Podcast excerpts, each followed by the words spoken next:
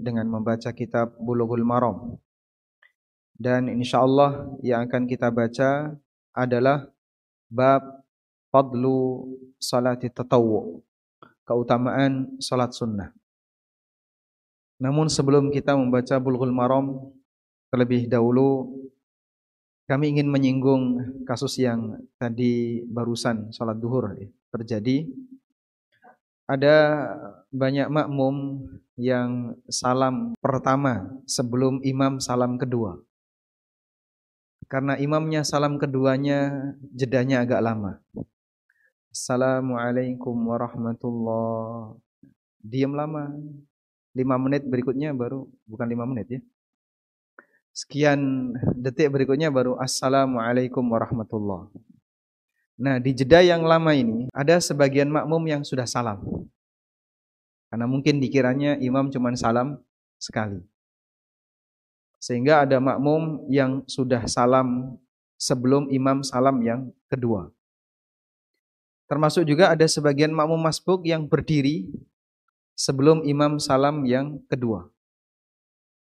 Apakah seperti ini diperbolehkan? Coba kita lihat keterangan yang disampaikan oleh para ulama terkait masalah. Berkaitan dengan imam yang salam sebelum makmum salam yang kedua. Dalam kitab Kasyaful Qina dinyatakan dan ini adalah kitab madhab Hambali wal aula ayyusallimal ma'mumu akiba faragil imami minat taslimatain yang lebih tepat makmum salam setelah imam selesai dua salam. Salam pertama dan salam kedua. Fa in sallamal ma'mumul ula ba'da salamil imamil ula qabla salamihi tsaniyah wa sallamal ma'mumu tsaniyah ba'da salamihi ayil imami ats-tsaniyatu jaza Terus bagaimana kalau ada makmum yang salam pertama sebelum imam salam kedua. Jadi imam salam satu, terus selama makmumnya salam yang pertama. Imam salam kedua, makmumnya ilam, eh, makmumnya salam yang kedua. Kata beliau, fa'in salam al makmum, apabila makmum salam al-ula yang pertama, ba'da salamil imamil ula setelah imam salam pertama. Wa qabla salamihi tsaniyah tapi imam belum salam yang kedua. Wa sallamal ma'mumu tsaniyata ba'da salamihil imami tsaniyah. Dan makmum baru salam yang kedua setelah imam salam yang kedua. Imam salam satu, makmum salam satu. Imam salam dua, makmum salam dua. Boleh enggak seperti ini? jaza, hukumnya boleh. Wallahu alam sehingga dalam hal ini kejadian yang tadi sempat apa ada dalam sholat jamaah di Masjid Ulil Albab diperbolehkan oleh sebagian ulama. Wallahu taala alam. Meskipun yang lebih tepat adalah jika kita mau salam, maka sebaiknya salamnya dilakukan setelah imam salam yang kedua. Termasuk juga ketika imam salam pertama, maka makmum yang masbuk jangan bangkit. Tunggu sampai imam selesai salam yang kedua. Wallahu a'lam. Baik, selanjutnya kita akan membaca hadis dari Bulughul Maram. Hadis nomor 350. An Rabi'ah bin Ka'b bin Al-Aslami. Dari Rabi'ah bin Ka'ab Al-Aslami. Siapa beliau? Rabi'ah bin Ka'ab bin Malik. Beliau menjadi sahabat Nabi sallallahu alaihi wasallam qadiman sejak lama. Walazamahu hadaran wa safara. Dan selalu menyertai Rasulullah wasallam baik ketika mukim maupun ketika safar. Dan beliau melayani Nabi sallallahu alaihi wasallam. Pelayan Nabi sallallahu alaihi wasallam ada dua. Ada budak dan ada yang bukan budak. Anas bin Malik pelayan Rasulullah sallallahu alaihi wasallam tapi beliau bukan budak. Dan termasuk di antara pelayan Nabi wasallam adalah Rabi'ah bin Ka'ab al-Aslami. Beliau salah satu pelayan Rasulullah wasallam tapi bukan budak. Wa kana min ahli suffah. Dan Rabi'ah bin Ka'ab termasuk tinggal di Sufah. Apa itu Sufah? Balkon yang dipasang di masa Rasulullah SAW di bagian belakang masjid untuk tempat istirahat bagi orang-orang yang datang ke kota Madinah sementara dia tidak punya rumah di Madinah. Dan ahlu sufa itu jumlahnya ratusan. Tapi mereka tidak datang bersamaan. Kadang datang, pulang, datang, pulang. Totalnya jumlahnya ratusan. Sehingga ada yang tinggal di Madinah cuma empat hari, lima hari, sekian hari, belasan hari. Sesuai dengan uh, apa lama mereka tinggal di Madinah. Wa baqiya fi khidmatin Nabi sallallahu alaihi wasallam ila an Dan Rabi'ah bin Ka'ab selalu membantu Nabi sallallahu alaihi wasallam sampai beliau wafat, sampai Rasulullah sallallahu alaihi wasallam wafat. Lalu beliau keluar meninggalkan Madinah. Fanazala fi biladi Aslam ala baridin minha. Kemudian beliau tinggal di kampung Aslam yang jaraknya adalah perjalanan satu barit. Satu barit itu perjalanan setengah hari. Empat burut itu jarak safar. Empat burut perjalanan sehari semalam kali empat. Eh, perjalanan setengah hari kali empat berarti dua hari dua malam. Sehingga uh, perjalanan uh, afwan, perjalanan sehari semalam itu empat burut. Sehingga perjalanan 24 jam di masa silam menempuh empat burut dan itu jarak minimal safar. Kurang lebih 80 kilo. Wa mata dan beliau meninggal pada tahun 36 Hijriah. Walaysa lahu fil kutubil khamsah illa hadzal hadis dan hadis Rabi'ah bin Ka'ab tidak ada dalam kitab yang lima yaitu Musnad uh, atau empat sunan dan Musnad Ahmad kecuali hadis ini. Wa qad nassa ala dzalikal mundiri sebagaimana yang ditegaskan oleh Al-Mundiri. Sedangkan Bukhari tidak ada yang meriwayatkan hadis dari Rabi'ah bin Ka'ab dan waqad waqa'a fi ba'di nusakhil bulugh dan terdapat dalam beberapa naskah Bulughul Maram Rabi'ah bin Malik fa imma ayyakuna wahman minal hafid au min ba'din nas au min ba'din nusah dan di situ disebutkan riwayat Bukhari bisa jadi ini adalah kesalahan dari sebagian orang yang melakukan manuskrip yang mentranskrip buku. Padahal yang lebih tepat hadisnya riwayat Muslim. Baik. Rabi'ah bin Ka'ab al-Aslami pernah membantu Rasulullah sallallahu alaihi wasallam. Dan Nabi sallallahu alaihi wasallam orang yang pandai berterima kasih. Meskipun beliau adalah seorang imam beliau adalah seorang nabi. Ketika beliau mendapatkan kebaikan dari orang lain, maka beliau ingin membalasnya. Sehingga Rasulullah sallallahu alaihi wasallam setelah mendapatkan layanan dari Rabi'ah bin Ka'ab, beliau mengatakan, "Sal." Silahkan minta sesuatu. Sal, mintalah. Bahasa Arabnya apa? Sal. Mintalah. Fakultu maka Rabi'ah mengatakan as'aluka murafaqataka fil jannah. Subhanallah. Ketika beliau diminta, silahkan kau minta sesuatu. Maka Rabi'ah bin Ka'ab minta. Aku minta agar bisa membersamai Anda. Jadi ketika minta, enggak tanggung-tanggung. Bukan minta tips. Atau hanya saya minta Tolong dong saya dikasih ini, dikasih ini. Bukan dunia yang diminta. Tapi yang diminta oleh Rabi'ah bin Ka'ab adalah cita-cita yang sangat tinggi, harapan yang sangat agung, yaitu bisa menyertai Rasulullah Sallallahu Alaihi Wasallam di surga. Andaikan Rabi'ah bin Ka'ab minta harta dikasih oleh Nabi SAW. Minta. Minta bayaran berapa? Ini beda dengan semangatnya orang sekarang. Di mana mereka ketika memberikan layanan kepada orang lain kemudian berharap dikasih sesuatu itu harapannya adalah dikasih materi. Harapannya dikasih. Kita hidup di sebuah negara di mana uang tips itu nyaduk nyempar ya. Tersebar di mana-mana. Terutama untuk aneka-aneka layanan yang sifatnya publik. Termasuk juga di beberapa tempat di mana orang sudah bekerja dan digaji, tapi dia masih berharap mendapatkan. Karena itu dalam Islam kita diajarkan bahwa memang itu ada nilainya, tapi ini adalah hal yang remeh dan bahkan sebagian bernilai haram karena orang yang menjadi karyawan dan dia digaji maka dia haram untuk menerima tips di luar dari gaji yang dia dapatkan apabila dia melakukan tugas sebagaimana yang menjadi pekerjaan. Faqala kemudian Nabi sallallahu alaihi wasallam mengatakan kepada Rabi'ah bin Ka'ab, "Awa ghaira dzalik?" Minta yang lain, jangan yang itu. Awa ghaira dzalik, minta yang lain. Qultu huwa dzak.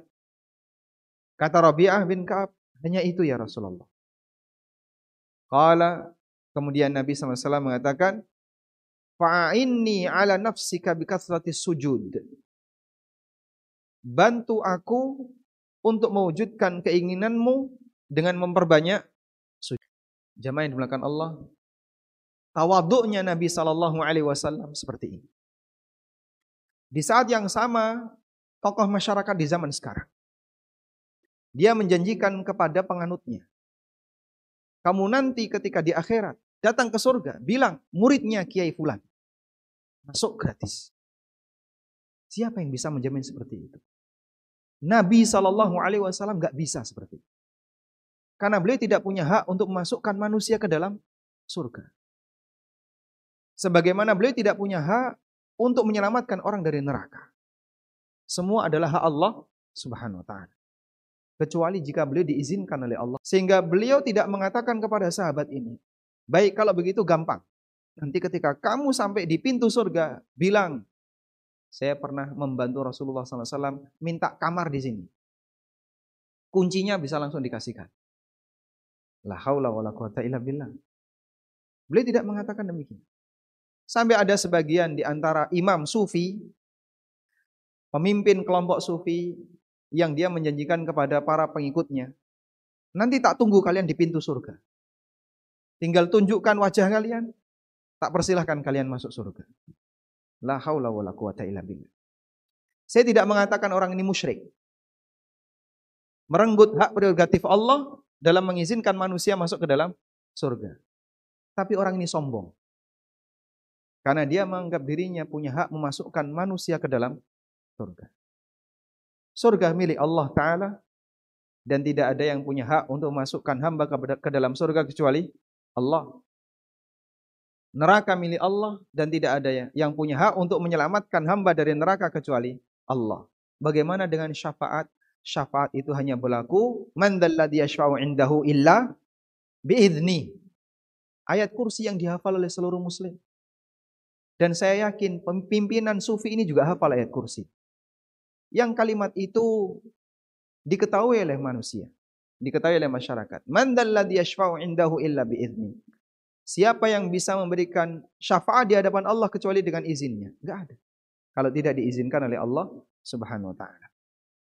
Kalau sampai ada orang yang punya pernyataan bilang saja kamu adalah anggota ormas A, muridnya Kiai B, saya adalah cucunya Mbah Yai C, sehingga nanti dia bisa mendapatkan tiket masuk surga gratis. Siapakah Anda dibandingkan Rasulullah sehingga ketika Nabi Shallallahu Alaihi Wasallam mengabulkan permintaan orang ini, beliau tidak katakan nanti kamu bisa langsung masuk surga. Dengan sebutkan namamu di hadapan malaikat penjaga surga dan bilang kamu sudah mendapatkan janji dariku untuk dapat kamar di sini. Kayak hotel aja. Tidak bisa. Tapi Rasulullah SAW mengatakan, kembali kepada amalnya. Fa'inni ala nafsika bikathratis sujud. Bantu aku untuk mewujudkan keinginanmu dengan memperbanyak sujud. Karena manusia mendapatkan derajat di surga setingkat dengan amalnya. Walikullin darajatun mimma amilu. Dan masing-masing mendapatkan derajat di surga sesuai dengan tingkatan amalnya. Maka orang yang amalnya rendah tidak bisa kemudian dia mendapatkan surga yang tinggi disebabkan karena nasabnya yang dekat dengan tokoh tertentu. Karena derajat hamba ketika di surga tidak ditentukan oleh nasab. Rasulullah sallallahu alaihi wasallam ingatkan, "Wa man batta 'amaluh lam yusri bihi nasabu." Barang siapa yang amalnya lambat tidak bisa dipercepat dengan nasabnya. Sebab karcis ke surga bukan karena nasab.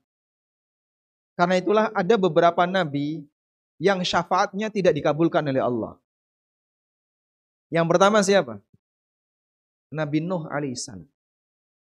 Dia berusaha, beliau sallallahu alaihi wasallam berusaha memberikan syafaat kepada anaknya untuk menyelamatkan anaknya. Agar anaknya yang ditenggelamkan oleh Allah ini selamat di akhirat.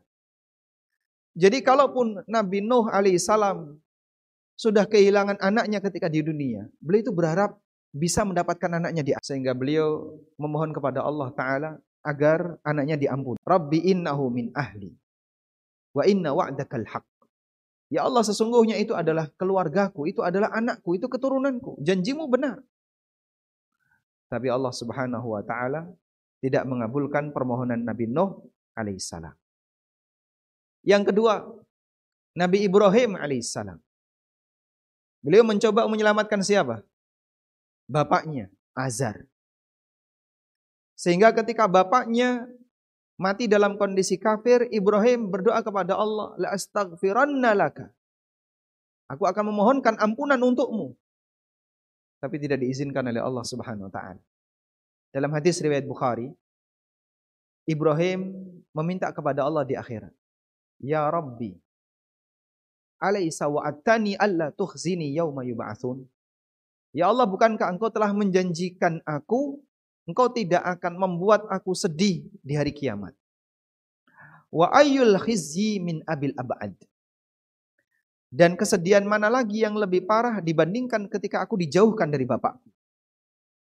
Kemudian Allah Subhanahu wa taala menjawab, "Inni haramtul jannata 'alal kafirin." Aku haramkan surga bagi orang kafir. Sehingga bapaknya yang mati kafir mau diselamatkan oleh anaknya yang seorang nabi, gak bisa tidak dikabuli. Maka jangan berpikiran bahwa semua syafaat Nabi dikabulkan oleh Allah. Apalagi yang di bawah Nabi. Ya. Kita bicara Nabi. Apalagi yang di, bawah Nabi. Syafaatnya Nabi Nuh nggak diterima oleh Allah. Syafaatnya Nabi Ibrahim tidak diterima oleh Allah. Demikian pula yang terjadi pada Nabi kita Sallallahu Alaihi Wasallam. Beliau memohon kepada Allah agar Abu Talib diapakan? Ya. Sehingga ketika Abu Talib mati dengan memilih agama nenek moyangnya, famata ala millati abi, dia mati dengan membawa agama Abdul Muttalib, yaitu agama paganisme, menyembah berhala. Maka Rasulullah sallallahu alaihi wasallam mengatakan, la astaghfiranna laka ma lam unha anhu. Aku akan memohonkan ampunan untukmu selama aku tidak dilarang. Sehingga beliau mohon kepada Allah, Ya Allah ampunilah Abu Talib, ampunilah Abu Talib. Sampai akhirnya Allah subhanahu wa ta'ala turunkan firmannya, Innaka la tahdi man ahbabta walakinnallaha yahdi mayyasha. Engkau tidak bisa memberikan petunjuk kepada orang yang kau cintai. Tapi Allah memberikan petunjuk kepada siapa saja yang dia kehendak. Sehingga syafaat beliau tidak dikabulkan oleh Allah. Di hadapan Fatimah radhiyallahu anha, Rasulullah sallallahu alaihi wasallam mengatakan, "Ya Fatimah, ya Fatimah binta Muhammadin, sali min mali ma syi'ti.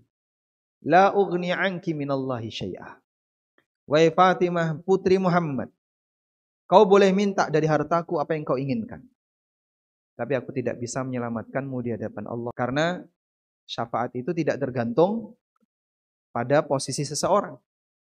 Tapi semuanya kembali kepada izin Allah Subhanahu wa taala. Walillahi asy-syafa'atu Sehingga pernyataan-pernyataan menyimpang yang disampaikan oleh masyarakat bahwa orang bisa mempersilahkan orang lain untuk masuk surga.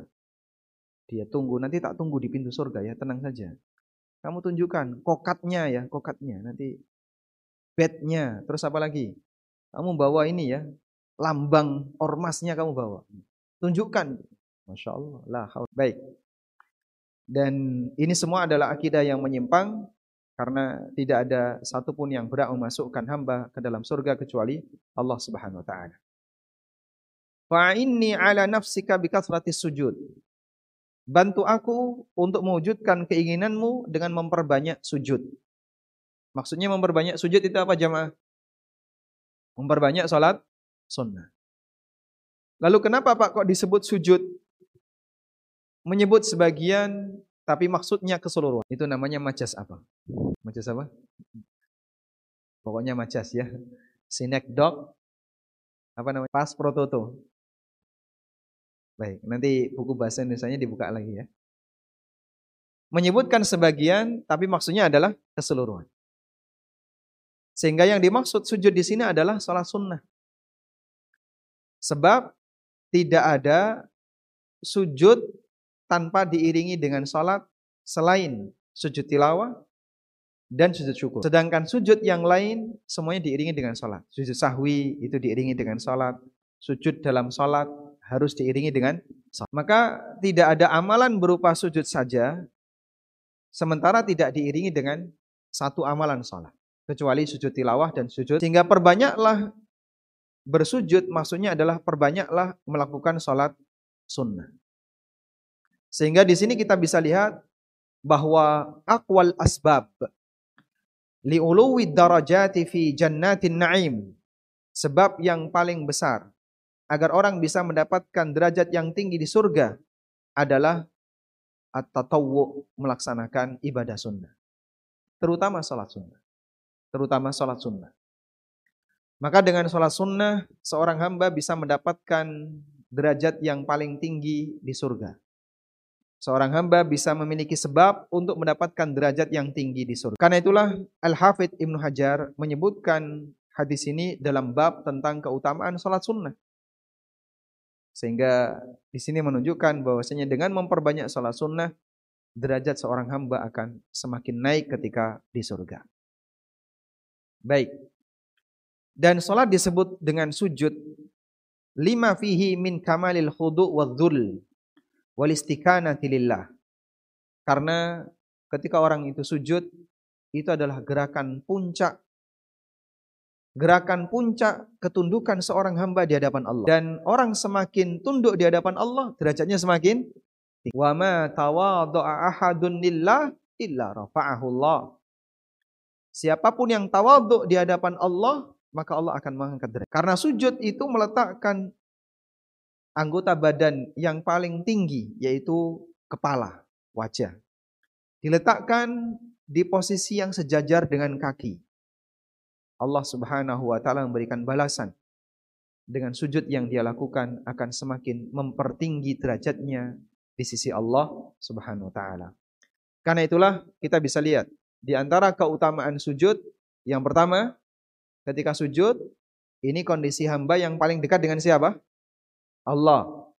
Aqrabu ma yakunu bil abdu min rabbih wa huwa sajid. Kondisi terdekat seorang hamba dengan Rabbnya adalah ketika sujud. Yang kedua, ketika sujud, doa seorang hamba itu berpeluang besar di di apa? Di dijabai. Faqaminun ayyustajabu ad-du'a. Maka peluang besar doa itu diijabai ketika sujud. Sujud juga akan mengangkat derajat seorang hamba di sisi Allah Subhanahu wa taala. Sebagaimana disebutkan dalam hadis dari Thauban. Hadis riwayat Muslim dari Thauban. Rasulullah sallallahu alaihi wasallam ditanya oleh Thauban, "An amalin yudkhiluhu Allahu bihil jannah." Amal apakah yang bisa mengantarkannya ke surga? Faqala sallallahu alaihi wasallam kemudian Nabi sallallahu alaihi wasallam bersabda, "Alaika bi sujud." Perbanyaklah melakukan sujud Maksudnya salat sunnah. Fa innaka la tasjudu lillahi sajdatan illa rafa'aka Allahu biha darajatan. Karena setiap sujud yang kau lakukan, maka Allah akan mengangkat derajatmu. Wa hatta anka min biha khati'atan dan Allah akan menghapus satu dosamu. Satu sujud mengangkat derajat dan menghapus. Makanya ketika sujud yang betah. Sebab sujud yang lama juga salah satu di antara tanda sujud yang berkualitas. Dan memperbanyak jumlah sujud ketika sholat berarti sama dengan memperbanyak melaksanakan salat sunnah. Qala Abdullah bin Mas'ud kata sahabat Ibnu Mas'ud radhiyallahu anhu, "Ma dumta fis salah ketika kamu sedang salat, fa anta taqra'u babal malik." Hakikatnya engkau sedang mengetuk pintu sang raja. Ketika kau sedang salat, hakikatnya kau sedang mengetuk pintu sang raja. Wa may yaqra'ul bab yuftahu lahu dan siapa yang sering mengetuk pintu sang raja maka akan dibukakan untuknya. Dan ketika dibukakan dia bisa minta kepada sang raja Allah Subhanahu wa taala. Wallahu taala. Walhamdulillahirabbil alamin. Demikian untuk hadis yang bisa kita baca di kesempatan kali ini. Dan untuk bab berikutnya yang akan disampaikan oleh Al-Hafidh Ibnu Hajar adalah pembahasan tentang sunan ar-ratibah. Sunnah-sunnah rawatib at-tabi'ah lil faraid yang mengiringi salat wajib. Apa yang dimaksud dengan sunnah rawatib? Amalan sunnah yang mengiringi salat, yang mengiringi ibadah wajib. Dan yang terkenal adalah salat rawatib. Salat sunnah rawatib berarti salat sunnah yang mengiringi amal salat wajib. Sehingga dilakukan sebelum atau sesudahnya. Bagaimana rinciannya mengenai salat rawatib? Ani bin Umar radhiyallahu anhu qala beliau menceritakan hafidtu minan nabi sallallahu alaihi wasallam asyra raka'atin. Aku menghafal dari Nabi sallallahu alaihi wasallam 10 rakaat. Bagaimana 10 rakaat ini? Raka'ataini qabla dhuhr. Dua rakaat sebelum duhur. Wa raka'ataini ba'daha. Dua rakaat setelah duhur. Wa raka'ataini ba'dal maghrib. Dua rakaat setelah maghrib. Wa raka'ataini ba'dal isya dan dua rakaat setelah isya wa rak'ataini qabla subah dan dua rakaat sebelum subuh muttafaqun alaih. Jadi riwayat Bukhari Muslim. Wa fi riwayatin dan dalam riwayat yang lain wa rak'ataini ba'dal jum'ati fi baitihi. Dua rakaat setelah Jumatan di rumahnya. Dari mana beliau tahu di rumahnya? Di rumah Nabi SAW. Dapat cerita dari Hafsah. Wali muslimin dan dalam riwayat muslim kana idza tala al fajru la yusalli illa rak'ataini khafifatain. Ketika fajar sudah terbit, Rasulullah sallallahu alaihi wasallam tidak melaksanakan salat kecuali dua rakaat ringan, yaitu qabliyah subuh. Wan Aisyah dan dari Aisyah, beliau menceritakan bahwa Nabi sallallahu alaihi wasallam kana la yadau arba'an qabla dhuhri warak'ataini qablal ghada rawahul Bukhari Nabi sallallahu alaihi wasallam tidak pernah meninggalkan empat rakaat sebelum duhur. Dua, dua. Empat rakaat sebelum duhur. Warak'ataini qablal ghada dan dua rakaat sebelum salat subuh. Hadis riwayat Muslim. Dan dohirnya ini dikerjakan oleh Rasulullah sallallahu alaihi wasallam di di rumah beliau sallallahu alaihi wasallam. Makanya Aisyah menyaksikan ini. Dan Nabi sallallahu alaihi wasallam sering kali melaksanakan salat sunnah ketika uh, di Madinah, beliau salat sunnahnya dilakukan di rumah dan tidak di Masjid Nabawi. Karena itu sebagian ulama mengatakan bahwa salat di Masjid Nabawi mendapatkan berapa? Mendapatkan seribu kali salat di selain Masjid Nabawi itu hanya berlaku untuk salat wajib. Sedangkan untuk salat sunnah dikerjakan di mana? Di rumah. Sebab Nabi SAW memotivasi kaum muslimin untuk salat sunnah di rumah ketika beliau di Madinah. Afdalu salatil mar'i fi baitihi illal maktuba.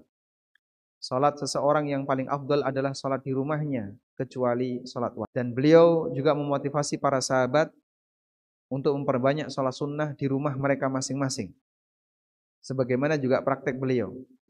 Lalu bagaimana dengan salat di Masjid Nabawi?